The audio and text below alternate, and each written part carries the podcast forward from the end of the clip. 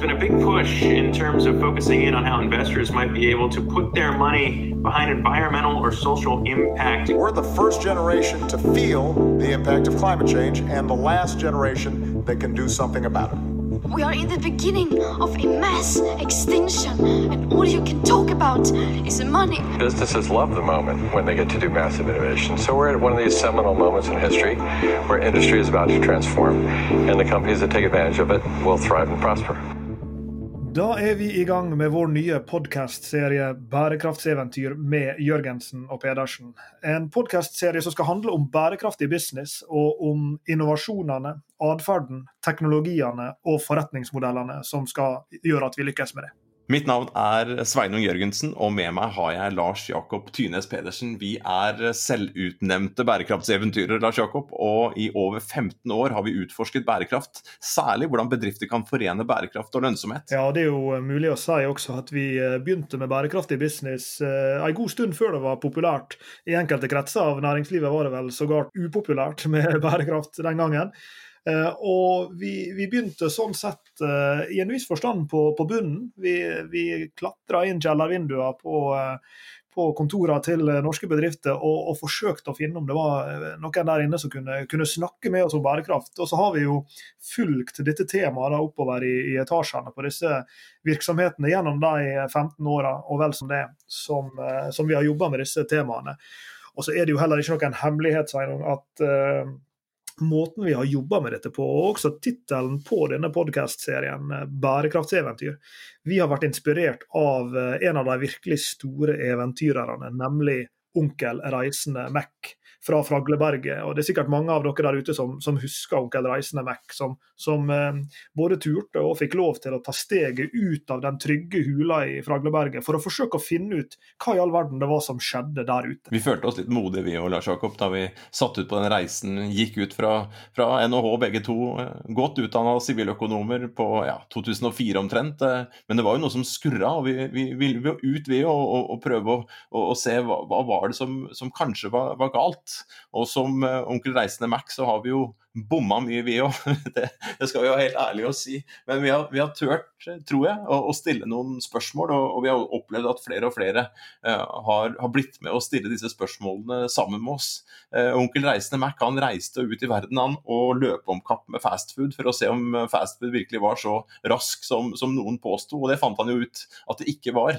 Uh, og han sendte jo postkort hjem til dette trygge fra, Fragleberget, da, hvor han skrev om verden der ute, hvordan den hang sammen. og Eh, og, han forsøkte på en måte å, å, å få litt kunnskap da, om den der verden der ute. Eh, og Sånn sett så, så har vi vært på, på bærekraftseventyr, vi òg. Fra disse mørke kjellerne hvor det kanskje satt en stakkar som hadde fått ansvaret for ansvaret i, i bedriften. Eh, kanskje som en liten del av en kommunikasjonsrolle i virksomheten og sånne ting. Og så har dette her gått oppover og oppover og oppover i etasjene, hvor i dag bærekraft står på agendaen til styrer, til toppledelsen. Det skrives inn i strategien strategiene. Og flere og flere og flere bedrifter i flere og flere og flere bransjer de klør seg i huet og, og tenker hvordan i all verden er det vi skal eh, bli en del av løsningen her, ikke være en del av, av bærekraftsproblemet. Som, eh, som, forskere, da, for det er jo det vi, eh, vi er først og fremst, vi, vi leder sammen et, et, senter på Norges handelshøyskole som heter Center for Sustainable Business.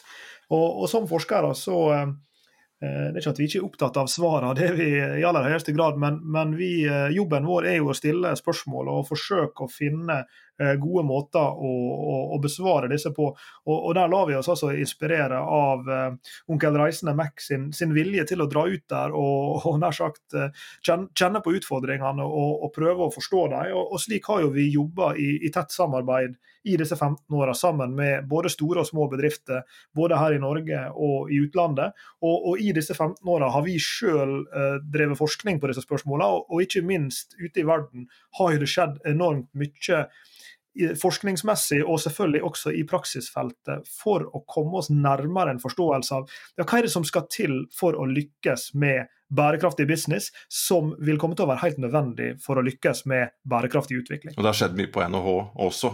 Eh, ikke så veldig lenge siden så fikk NHH bærekraft inn i eksistenserklæringen sin, og, og vi ble oppfordret til å lage et, et, forskningssenter som vi nå leder sammen, som heter Center for Sustainable Business. Bygge videre på, på disse 15 årene hvor vi har, har utforsket dette her, og så ser vi nå at vi klarer å hekte på flere doktorgradsstipendiater. Vi hekter på eh, kollegaer med ulike faglige bakgrunner, og, og, ikke minst så jobber vi tett med aktører i næringslivet som har turt å, å gå opp noen nye ruter, både alene og, og sammen med oss. Eh, og denne podkasten, som du sier, Lars Jakob, målet vårt her, det er jo å samle noen av trådene eh, i, i, den utforskningen som har skjedd, både av oss og andre. Og så ønsker vi å, å, å inspirere andre der ute til å, til å sette ut på sine egne bærekraftseventyr. Nå er jo verken jeg eller du utprega nostalgisk uh, menneske, Sveinung, men, men uh, det er jo fristende å ta et lite tilbakeblikk på disse 15 åra siden vi begynte å jobbe med disse temaene, og se på alt som har skjedd siden den gangen. I, vi var jo inne på hvordan holdninga til næringslivet helt klart har endra seg, fra at dette her ble sett på som et marginalt tema, til at det i dag er tema på, på både toppledergruppen og, og på styrerommet.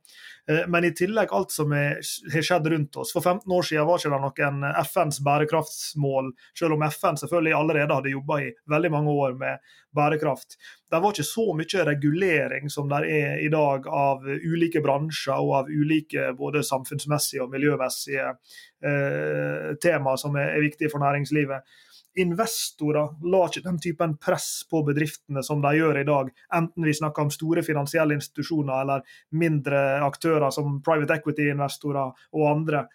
Kundene var nok ikke kommet helt dit som de er i dag, med hensyn til å legge press på bedriftene for å tilby grønnere produkter og tjenester osv de grønne teknologiene som har kommet til i løpet av disse 15 åra, eh, det at vi plutselig har blitt obs på disse store miljøproblemene, kall det omfanget av dem, enten det er klimaproblemet, vannproblemet, eller at eh, strander en hval her ute på Sotra i nærheten av, av, eh, der jeg bor, med magen full av plast. Her er så mange av disse liksom store hendelsene som også har satt dette på, på, kartet. Og i tillegg har du store internasjonale bevegelser som EU sin nye taksonomi for eh, grønn finans, du har EU sin Green Deal osv. Så, og så, videre. så endringene her har jo vært intet mindre enn dramatiske i løpet av disse 15 åra.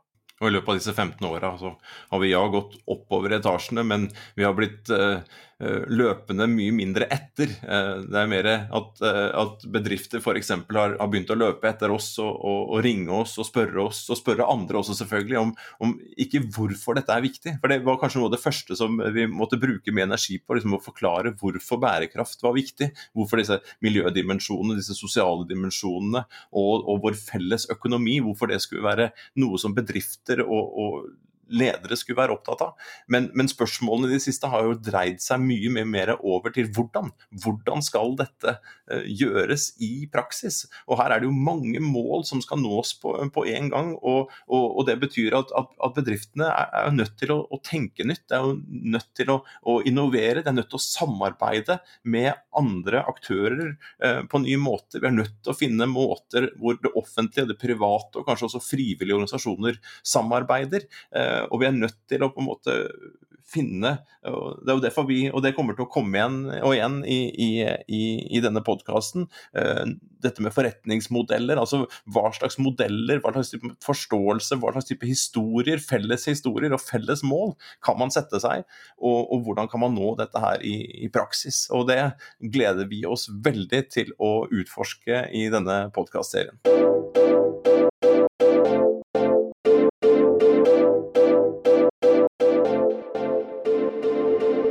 Eventyr så er det jo ofte sånn at en begynner med 'det var en gang'. Men vi skal uh, prøve å ha uh, lite av den tilbakeskuende perspektivet. Og så vil podkastserien snarere handle om uh, nær sagt eventyr for framtiden. Altså i betydninga hva er det som må til?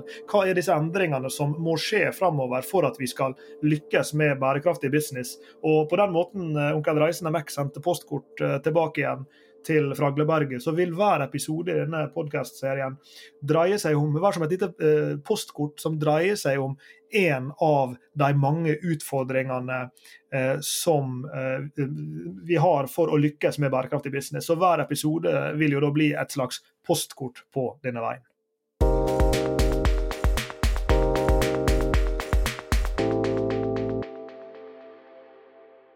La oss ta et helt konkret eksempel, eh, Sveinung. Eh, på et eventyr som vi får lov til å være med på i, i disse dager. Eh, for vi er involvert i et stort forskningsprosjekt hvor en av partnerne våre, Waste IQ, er et lite tech-selskap som har som formål å digitalisere alle avfallsstrømmer der ute. Altså få kontroll på hvert lille gram av ressurser som flyter inn og ut av økonomien, med den hensikt å kunne bruke dem om igjen. Altså Vi må få mer ut av hvert lille gram av knappe ressurser vi har. Det er jo noe av det som ligger i, i bærekraftsutfordringa. Og Sammen med dette selskapet da, og, også noen andre selskap, så forsøker vi denne gangen å få til noe som er virkelig eventyrlig, nemlig det å lykkes med det restavfallsfrie kjøpesenteret. Hvordan legge til rette for et kjøpesenter hvor det ikke er noe restavfall. Si på en måned, helst resten eh, av, av vår og, og, kjøpesenterets levetid. Ta så Bare lukk øynene litt og tenk på et, eh, et kjøpesenter hvor det, hvor det, kommer inn trailer etter trailer med produkter pakka inn i plast og, og, og papp hvor dette her går ut til eh, butikker, kafeer, restauranter og alt det som er på et kjøpesenter. Eh, kundene tar jo med seg varene hjem, og, der har jo ikke butikkene nødvendigvis kontroll på hva som skjer. Men, men, tenk på alt det avfallet som bare genereres internt på et sånt kjøpesenter. Antall tonn med plast og papp og tre, altså europaller, matavfall, håravfall for de som er så heldige å ha hår. Altså alt det som rører seg som kommer inn, og som går gjennom og ut på andre siden. Og Hvis vi skal da få til da, et sånt sirkulær økonomisk samfunn hvor vi, hvor vi, bruker ressursene vi da faktisk bruker, så fornuftig som mulig, at vi strekker ut levetiden på dem, ja, da må vi organisere eh, kjøpesentre på en helt ny måte. Og der er jo Waste IQ, da, disse partnerne i dette forskningsprosjektet vårt som heter SustainX. Eh, partnerne våre der som, som, som, har sagt OK, hvordan kan vi få til dette her avfallsfrie eller restavfallsfrie kjøpesenteret? Og det innebærer jo en enorm grad av samhandling mellom veldig mange ulike parter. På et vanlig norsk kjøpesenter så kan det være mer enn 100 ulike butikker og restauranter, og, og hver av dem har x antall ansatte som må være med og dra lasset her. Her er en infrastruktur av eh, finsortering av de ulike liksom, avfallsstrømmene fra de ulike butikkene og restaurantene. Men ikke bare det. Når du først har fått inn alle disse her, la oss si at du kunne sortere ned på de aller fineste eh, fraksjonene, så du har en, en dunk borti hjørnet med håravfall, og så har du pizzadeig fra Peppers borti en annen krok, oppi en matavfallsdunk, osv., osv. Ja, hva i all verden skal du gjøre med disse tinga Eh, etterpå. Fordi at Formålet må jo da være at du ikke bare brenner dem eller hiver dem på dynga et sted. Så Det som er en del av dette prosjektet da også, er jo å forsøke å finne måter å få avsetning for disse for. Så Pizzadeigen f.eks. blir sendt til et larveri oppe på Voss, hvor larvene spiser pizzadeigen. Så blir de gode og tjukke, og da kan de kvernes opp og brukes til fiskefôr. Og vips, så har du gått fra matavfallet pizzadeig til overs, til fiskefôr som kan bli til ny mat. Og På samme måten må du kunne finne en måte å bruke håravfallet på. Du må kunne finne en måte å bruke plasten og pappen og metallet og elektroavfallet. Og dette er jo en ganske omfattende utfordring. Mm. Og Vi vet jo allerede i dag at, at vi har et sånt sirkulært gap. Det finnes uh, flere undersøkelser som viser at det er jo et fryktelig stort avvik fra alle de ressursene vi bruker. Om det er energien vi bruker, eller om det er ting vi graver opp av bakken, eller om, altså alle de ressursene vi har, uh, så er det per i dag dag for få eh, andeler av de ressursene som, som, blir gjenbrukt på sitt høyeste nivå. Da vi resirkulerer jo ganske mye. Eh, en, en, en eh, avis kan jo bli til andre typer produkter av, av, eh, som, som, bruker cellulose i seg. Men vi vet jo også at, at, at liksom verdien på disse ressursene de forringes eh, litt over, litt eh, over tid. Så, så, hvordan skal vi på en måte lage da samfunnet, hvordan skal vi lage disse kjøpesentrene, hvordan skal vi lage byene hvor, hvor det er hvor ting går i, i, sirkulasjon. Og ikke bare det, hvordan er det vi skal lage disse samfunnene hvor de tingene vi lager, brukes så lenge som mulig mulig. Om det er mobiltelefonene våre eller bilene våre, om det er eh, flyene, altså alle de tingene vi har rundt oss. Hvordan er det vi skal få levetiden til disse så lenge som mulig? Hvordan skal vi lage da forretningsmodeller rundt dette her, så det blir attraktivt for bedrifter å ikke bare produsere eh, for forbruk og, og, kast, men også produsere for å vare lenge. Og inn i denne kjøpesenteret Lars Jakob, så ser man også på sånne typer løsninger som tjenester, at man kan tilby produkter som tjenester, at man kan få, få tilgang til produkter f.eks. Og de ser også på muligheter for å ta tilbake klær og ta tilbake sko og sånne ting, og, og, og ha sånn, hva det heter på engelsk, second hand store, eller gjenbruksbutikker, da, eh, f.eks. Og hvordan er det da Waste IQ, og hvordan er det de som da leverer avfallstjenester, også ikke bare kan ta avfallet ut og, og ta det videre i verdikjeden, men også kanskje ta det tilbake til, til kundene og, og, hjelpe til med det. Og det løser vi på mange forskjellige måter dette prosjektet. Vi, vi, har jo masterstudenter vi som har vært ute nå og, og gravd i søpla der ute. Gravd for å se ja, I matavfallet så finner de, fant de i utgangspunktet bat, batteri, ikke sant? Eh, batterier oppi der. Um, går inn og ser på de ulike fraksjonene og ser at det er ikke nødvendigvis rent. Og man veit ikke hvem som har kasta hva hvor. Og så går jo Waste IQ uh, inn uh, sammen med oss da, i dette systemet og, og tenker at uh, ok, hvem, vi må ha en eller annen form for for eh, identifisering. En QR-kode eller RFID eller noe ting, Så når de kommer fra butikken, da, så veit de hvem det er. Og Så må de prøve å stimulere da, butikkene til å sortere mer og, og kaste det på riktig sted. De tester sånne um, løsninger at man kanskje må betale for det man kaster, sånn type pay as you throw-modell. Så det er mange mange ting som kan gjøres rundt dette kjøpesenteret. Uh, og det er jo nettopp det vi da forsker på, masterstudentene våre er inne der. Og så er jo da partnerne våre i, i selskapet og, og, også i de som drifter kjøpesenteret, sammen eh, forsøker da å sette opp dette på en, en, best mulig måte. Det er bare ett eksempel på et lite bærekraftseventyr. uh, og, og, jeg regner med at vi kan komme tilbake igjen til Waste IQ og, og dette kjøpesenteret, og i hvert fall komme tilbake til sirkulærøkonomi seinere episoder, Lars Jakob.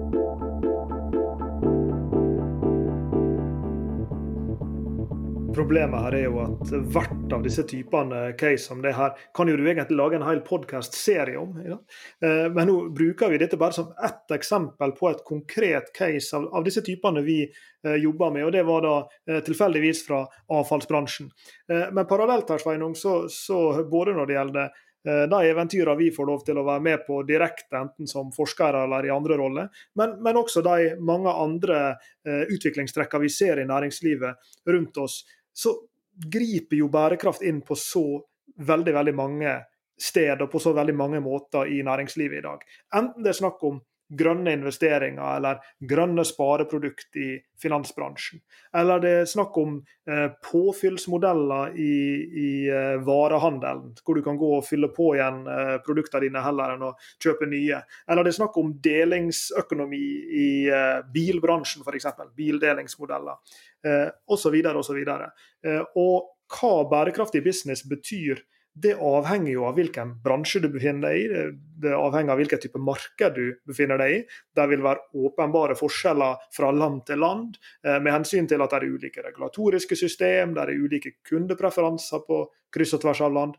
Eh, og vi vil jo aldri i denne serien klare å dekke alle disse ulike fasettene av, eh, av bærekraftseventyr der ute. Men vi skal forsøke steg for steg og episode for episode å ta for oss en rekke ulike tema som nær sagt dekker de mange delene av dette store komplekse fenomenet. Så vi eh, ønsker jo å få med oss eh, dere som, dere som, er lyttere, eh, til å, til å, stille spørsmål eh, til oss. Vi skal komme tilbake til etterpå hvordan dere kan, kan, gjøre det, men vi ønsker at dere også skal være med å, å forme, forme, innholdet og, og i, i, i podkastene framover. Ja, for vi er jo heldige i, i det daglige, Sveinung, så treffer vi på hundrevis av, av masterstudenter på NHH som, som, tar kurset vårt i bærekraftige forretningsmodeller. Vi er involvert i lederutvikling med, med ledere fra norske virksomheter som videreutdanner seg i problemstillinger knytta til bærekraftig business. Og ikke minst er vi mer generelt i, i stor og utstrakt kontakt med store og små bedrifter, mer og mindre innovative bedrifter, som forsøker å lykkes med akkurat det her. Hvordan bli mer bærekraftig samtidig som en er minst like lønnsom som en var. Og det her var jo ikke veldig populært da vi begynte med dette her, Lars Jakob. Vi hender at vi sier at vi begynte med bærekraft og bærekraftig business uh, før det var populært. Vi gikk jo ut av uh, grunnutdanningene våre, altså siviløkonomutdanningene våre, sånn i 2004. Uh, eh, skulle begynne å undervise, skulle begynne å forske. veldig glad i, i, i, i, den utdanningen og glad i, fagene, faget, faget vårt. Men samtidig så begynte vi å stille noen spørsmål, da, og, og det, det gjorde at vi ja, fant altså, Som Onkel Reisende Mac da, så begynte vi å stille litt spørsmål ved, ved, det vi hadde lært, og som, hvordan ting hang sammen. og Så vi vi helt ærlige på noe har vi helt sikkert eh, bomma på, og forhåpentligvis da, ved å stille spørsmål og prøve å, å, å, samle inn kunnskap og det å sende postkort eller bøker eller, eller, filmer eller undervisning vi har, eller hva det er for noe, eh, tilbake igjen. Men vi har jo sett da i løpet av disse 15 årene kanskje ja, de siste fem-seks årene spesielt, at det har vært en eksplosjon av um, etterspørsel etter dette, mer kunnskap om det. Uh, men også så har vi jo sett at dette har gått fra disse mørkene, mørke kjellerne hvor vi begynte å, å snakke med de som kanskje jobba med samfunnsansvar i bedriftene, uh, og ja, kanskje satt i en kommunikasjonsavdeling med samfunnsansvar og CSR som en litt sånn, ja, liten, liten del av stillingen. Så har vi sett at dette her har gått, og vi har fått lov til å følge dette her høyere og høyere og høyere opp i etasjene, helt opp på, på, på styrerommet, hvor vi nå ser at bærekraft, bærekraftig business, innovasjon, sirkulær økonomi, eh, alle disse tematikkene som vi skal dekke forsøksvis i denne podkastserien, de har blitt eh, eh, mer og mer sentrale for bedriftenes strategi og forretningsmodeller. Absolutt. Og vi sitter jo sjøl, både jeg og du, i, i, styret til virksomheter. Ikke kun fordi at vi, vi kan noe om bærekraft, men bl.a. derfor. Nettopp denne kompetansen på å forene bærekraftspørsmål med tradisjonelle bedriftsøkonomiske spørsmål, det er jo noe som, som styret både i store og små virksomheter i Norge i dag eh, etterspør. Så, så det er jo denne bevegelsen av bærekraftstemaet oppover i etasjene da, billedlig i, i bedriftene har jo vært veldig veldig slående eh, de, de siste åra. Det er en hel del tema Sveinung, som vi vil, allerede vet at vi vil komme til å ta opp i uh, ukene og, uh, og, månedene framover. Så vi kan jo kanskje peke litt fremover og uh, se for oss hvor vi tror at disse eventyrene vil ta oss. Mm. første vi kan si, er at vi skal jobbe med grønn innovasjon. Hva er det vi legger i det, Lars Jakob? Altså, det dreier seg om alle disse innovasjonsprosjektene som er nær sagt, enten det er litt sånn eh, tradisjonell prøv og feil, eh, sånn tinkering, eller det er mer sånn strukturerte innovasjonsprosesser for å lykkes med å bli grønnere, samtidig som en er minst like lønnsom. Og Der er jo den, et nøkkelord som vi jobber veldig mye med sammen med disse bedriftene, og det er jo eksperimentering. Hvordan sette opp gode piloter, hvordan gjennomføre et godt eksperiment à la dette sirkulære kjøpesenter som vi tester i disse dager. Det er jo en ting som er helt sentralt for å lykkes med innovasjon. Og I tillegg til grønn innovasjon, så er det jo en sosial dimensjon i bærekrafts problemet. Eh, også, det er jo både en miljømessig side, eh, bærekraft, men det har jo en viktig sosial side. Eh, samtidig som det har, handler om vår felles eh, økonomi. Men denne sosiale siden, samfunnssiden der, enten det handler om sosialt entreprenørskap eh, Jeg f.eks. sitter i styret til Tyrili klatring, som er et, er et, er et, et, tilbud, et klatresenter som drives her på, på Lillehammer av, av elever eller pasienter i rusbehandling. altså det altså, hvordan få til å kombinere eh, næring, business, med eh, bærekraft på, på, nye måter. Og Der også er det jo blomstret voldsomt. og Vi har masse eksempler av Jacob, enten fra turene til Uganda eller, eller, Brasil, og det skal vi komme tilbake til seinere. Hvordan er det man kan tenke nytt omkring det å, eh, den, den sosiale dimensjonen av bærekraft eh, inn i en sånn kall det business setting. Selv om vi noen ganger kommer til å ta for oss litt sånne evergreen-tema, altså disse liksom store, klassiske problemstillingene innenfor uh, bærekraftsfeltet, så, så, vil vi også komme til å ha mer fokuserte episoder som tar for seg utviklingstrekk som er, som er spesielt framtredende akkurat nå. Og, og, hva kan være et bedre eksempel på det enn sirkulærøkonomien, som vi uh, ganske tidlig i serien vil ha en dedikert episode på. Hvordan lykkes med å slanke, bremse og lukke eh, ressursstrømmene i økonomien. Altså hvordan få mer ut av mindre og lykkes med å bruke ressursene igjen og igjen. Vi traff hverandre vi på et eh, kurs på Handelshøyskolen i, i, i Bodø, nå Universitetet i Nord, på nettopp kretsløpsøkonomi, som det het den tiden. Og det har jo preget oss hele tiden, disse ideene om å få ting til å, å, å, å bli gjenbrukt. Få ting til å, vare lenger. Skape gode kundeopplevelser, altså sånn at, at, at eh, produktene våre kan, kan, eh, kan brukes og, og, som tjenester, at man kan få tilgang til det. Eh, vi er også involvert i et, et, med et miljø som heter Circular X, et, et forskningsmiljø med, med, med base i, i Nederland, med, med, gode kollegaer der nede, som har mange fantastiske case og, og eksempler og, og, studier knyttet til dette her. Så hvordan er det vi skal få til den der sirkulære økonomien? Hvordan er det vi kan få til sirkulære forretningsmodeller? Hva slags type innovasjoner er det som, som, som eh, må gjøres for å, for å, realisere dette her. Ikke minst eh, hvordan er det vi skal tenke som sagt, helt nytt omkring eh, tjenester og tilgang og sånne ting. Og, og kanskje også litt eh, diskutere etter hvert Lars Jakob, liksom, grensene for det. Altså, det høres jo veldig tilforlatelig ut, denne tjenesteøkonomien, kanskje en sånn type gig-økonomi og sånne ting. Men hva med den sosiale dimensjonen oppi dette her? Hva med den økonomiske dimensjonen oppi dette her? Hvordan, hvordan få til dette her på, på gode måter? Det, det, gleder jeg meg veldig til å, å ta opp underveis.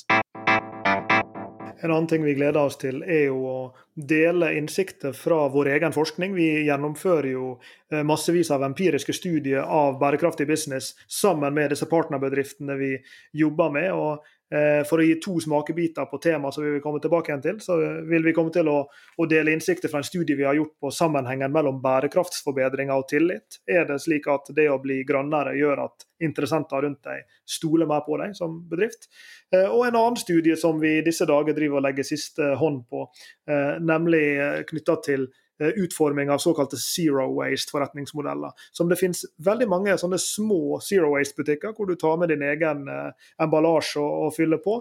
Eh, men hva skjer når du skal begynne å skalere det her opp? Kan du se for deg i fremtida at enhver Rema 1000 eller enhver Coop eh, er basert på en påfyllsmodell, og hvordan vil det i så fall se ut? Og Det er også et nøkkelspørsmål som ligger under der, nemlig hvordan skalere opp disse typene small is beautiful-forretningsmodeller til store industrielle løsninger. Fordi at Hvis vi skal lykkes med bærekraftig business, så vil vi nettopp være avhengig av en sånn skalerbarhet i løsningene. Vi kommer til å ha mange episoder. Lars Jakob, når du står og prater her om, om vår egen forskning, så det, det, kan jo godt hende at vi kommer til å ha en episode som kommer til å lukte litt uh, ketsjup.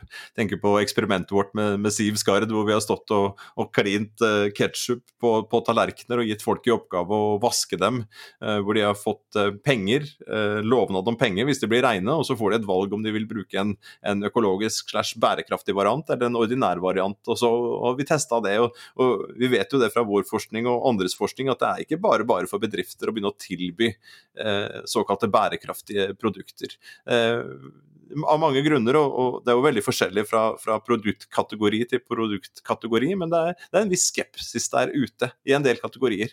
Uh, så, så, hvordan skal vi som konsumenter forholde oss til det, og hvordan er det bedrifter kan, kan forstå disse barrierene og legge til rette for, for, for gode kundeopplevelser og produkter og tjenester som, som hvor produktene er bærekraftige eller har blitt, uh, blitt uh, blitt eh, designet og produsert på en på bærekraftig eh, måte. Der berører jo du kundeatferd og marketing, som er et av fagområdene som vi av og til kommer til å gå på besøk til. Og så er det andre relevante fagområder her også som vi kommer til å trekke på. Eh, vi vil berøre spørsmålet om eh, grønn finans, og hvordan disse typene, eh, både for så vidt finansielle tjenester, men også atferden til finansielle aktører kan være viktige for å dytte oss i retning en grønnere økonomi. Og på samme måten så vil vi spørre oss ja, hva har regnskapsfag å tilby for å dytte oss i retning en mer bærekraftig verden. Og da kan vi vel i det minste love Sveinung, at det vil komme en temaepisode om, om et, et et veldig hett tema eh, om dagen, eh, nemlig dette spørsmålet om hva er det som er de vesentlige bærekraftstiltakene. Altså hvordan kan du prioritere mellom mer og mindre viktige bærekraftstiltak hvis du er en bedrift som forsøker å ha mest mulig impact. Vi vil gjerne ha spørsmål fra dere. Vi vil at dere skal være med og, og, og utfordre oss, eh, stille oss spørsmål, få oss til å ta opp tematikker dere er opptatt av. Og for å gjøre det, så ønsker vi at dere sender oss en e-post på eventyr, alfakrøll, jorgensenpedersen.no eventyr, alfakrøll, jorgensenpedersen.no. Går dere inn på Eh, hjemmesiden vår, jorgensenpedersen.no, så vil dere finne link til eh, Facebook-siden vår og også finne link til Twitter.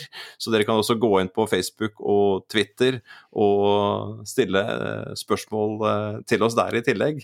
Men vær så snill, kommentarer på det vi tar opp her, og spørsmål som vi kan ta inn i, i seinere episoder, det, det setter vi veldig pris på om dere bidrar med.